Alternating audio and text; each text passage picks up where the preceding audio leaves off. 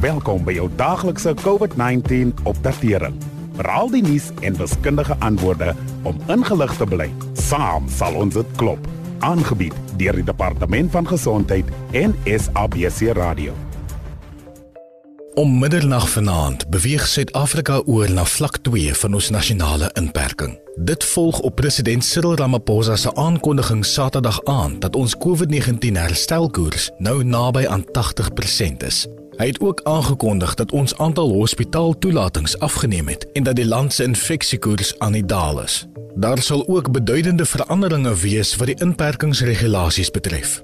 Dit dui op nog 'n belangrike stap in die heraktivering van ons ekonomie wat so swaar deur hierdie pandemie getref is. Ons moet egter nie uit die oog verloor dat ons vinnig op pad is na 12000 COVID-verwante sterftes en dat honderde mense steeds elke dag as gevolg van die virus sterf nie. In sy aankondiging het die president Suid-Afrikaners spesifiek gewaarsku om op hulle hoede te bly sodat ons kan voorkom dat daar 'n tweede golf van die virus is. Ons kan nie bekostig om houtgerus te raak en op te hou om die voorsorgmaatreëls wat so noodsaaklik is op te hou volg nie. As ons dit sou doen, kan dit lei tot 'n nuwe toename in die aantal infeksies en sterftes, teen 'n selfs nog hoër koers as wat ons tot dusver ervaar het. Ons het almal 'n bydrae gelewer tot die feit dat ons nou vlak 2 bereik het. Niks hiervan sou egter moontlik gewees het sonder die opofferings wat al ons gesondheidsorgwerkers, die mense in die voorste linie en vrywilligers moes maak in ons respons op die virus nie. Vandag gesels ons met ons gas oor hoe die COVID-19 pandemie die werkers in die voorste linie geaffekteer het en wat ons kan doen om aan hulle erkenning te gee en hulle te ondersteun. Besoek asseblief ons Sikaba COVID-19 Facebook bladsy na afloop van hierdie insetsel om meer uit te vind oor praktiese maniere waarop ons aan die mense hulde kan bring deur hulle stories op sosiale media te deel.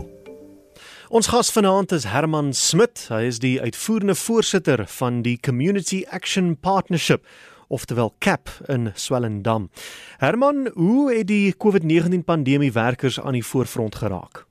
Die pandemie maak die lewe vir ons almal regtig regtig moeilik. Maar ek dink vir al ons gemeenskapswerkers, oftewel die GSW soos dit genoem word, kry swaar in tyd in die tyd. Dit sluit mense in soos ons maatskaplike werkers, ons maatskaplike hulpwerkers, gemeenskapsgesondheidswerkers, kinder- en jeugversorgers, voedsel- en verligtingwerkers wat wat aan die voorfront van hierdie pandemie werk. Wat ons nie altyd besef nie, is dat baie mense hulle self moet isoleer, selfs van hulle gesinne af. Aangesien hulle werk, hulle in verbinding gebring het met COVID-pasiënte en wat hulle dan hoë risiko maak. So hulle het nog die emosionele spanning en pyn van om van hulle gesinne te geskei te word in hierdie tyd. In 'n onlangse opname het hulle gesê hulle voel emosioneel uitgeput en uitgebrand. Wat is 'n paar van die ander probleme waarmee hulle in hul werk te doen kry? Hulle terugvoer wat ons kry is dat hulle werksomstandighede is regtig baie veel eisend. Dit is fisiek vermoeiend, lang ure en die salarisse en die loon is ook nie so wat wonders nie. Baie van die GSW sê hulle en hulle families kry self swaar by die huis en ly soms honger.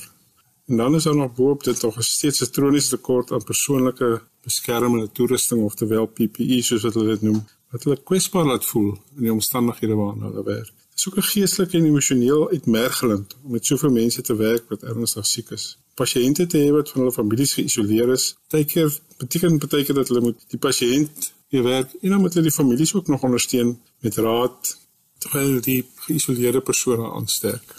Is daar iets wat gedoen word om hulle te help? Die Maaskere veldtog ondersteun tienduisende GSW werkers dwars deur die land en fokus op die verskaffing van PPE, inligting en psigososiale ondersteuning aan hierdie werkers. Baie van hierdie werkers het sielkundige noodhulp nodig, iets wat baie keer nodig is in tye van hoë trauma.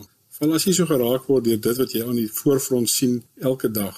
Om ons gemeenskapswerkers te ondersteun, en daadwerklik te help beteken dat Suid-Afrikaners moet seker maak ons ondersteun hulle net so dan ons omsien in die tye van nood.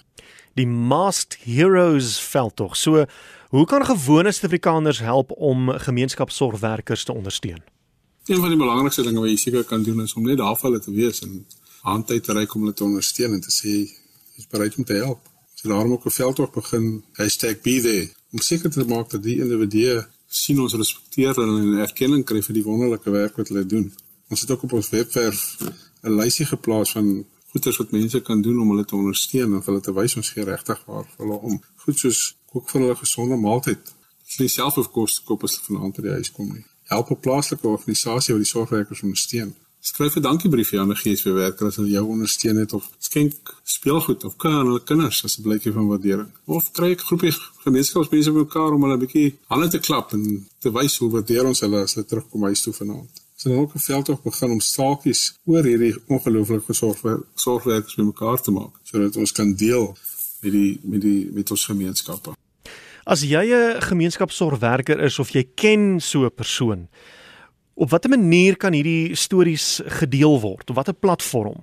Stories oor sorgwerkers te deel is om by die #BeThereVeld af aan te sluit en die stories op sosiale media te plaas. Sit dit op Facebook, Twitter of Instagram, trek jou GSW held, sê wat dit is wat jy van hulle bewonder en sluit 'n spesifieke voorbeeld in van hoekom hulle 'n held in jou oë is. Tag ons blad @maskheroes.sa met die hashtags BeThere en maskheroes. Jy kan selfs 'n prys vir jou en die sorgwerker wen sê asseblief in watter veld hulle werk en wat dit hulle sal dit uitstaan vir jou wat so besonder van hulle. Soos byvoorbeeld hier by ons is dit is Jenny 'n maatskaplike werkster wat toe ons kindertjies het wat beerle in die straat teen die COVID tyd kon ons haar bel en vir sê maar wat kan sy plan maak? Sy dadelik die kinders bymekaar gekry, uitgevind waar hulle bly en opgevolg met hulle ouers. Hoekom is hulle in die straat? Is daar kos by die huis? En hoe kan ons hierdie kinders ondersteun in die huishoudings dat hulle nie so swaar hoef te kry in hierdie moeilike tye nie? Waar kan ons meer uitvind oor hierdie Masked Heroes veldtog? Om meer uit te vind, besoek gerus ons webblad maskedheroes.org.za of sluit by die gemeenskap op Facebook aan deur te soek na @maskedheroes.sa. As jy 'n gemeenskapsorgwerker is, sluit by hierdie beweging van helde aan deur sterretjie 134 sterretjie 38847 hash te skakel of hy te WhatsApp na 060 011 9999. Kom ons vat hande om saam saam ons gemeenskapsorgwerkers aan die voorfront te ondersteun in hierdie moeilike tye. Baie dankie, dit was Herman Smit, uitvoerende voorsitter van die Community Action Partnership, oftewel CAP, daarvan Swellendam.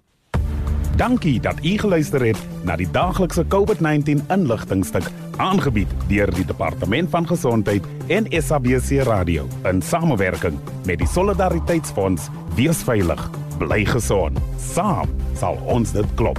Suid-Afrika.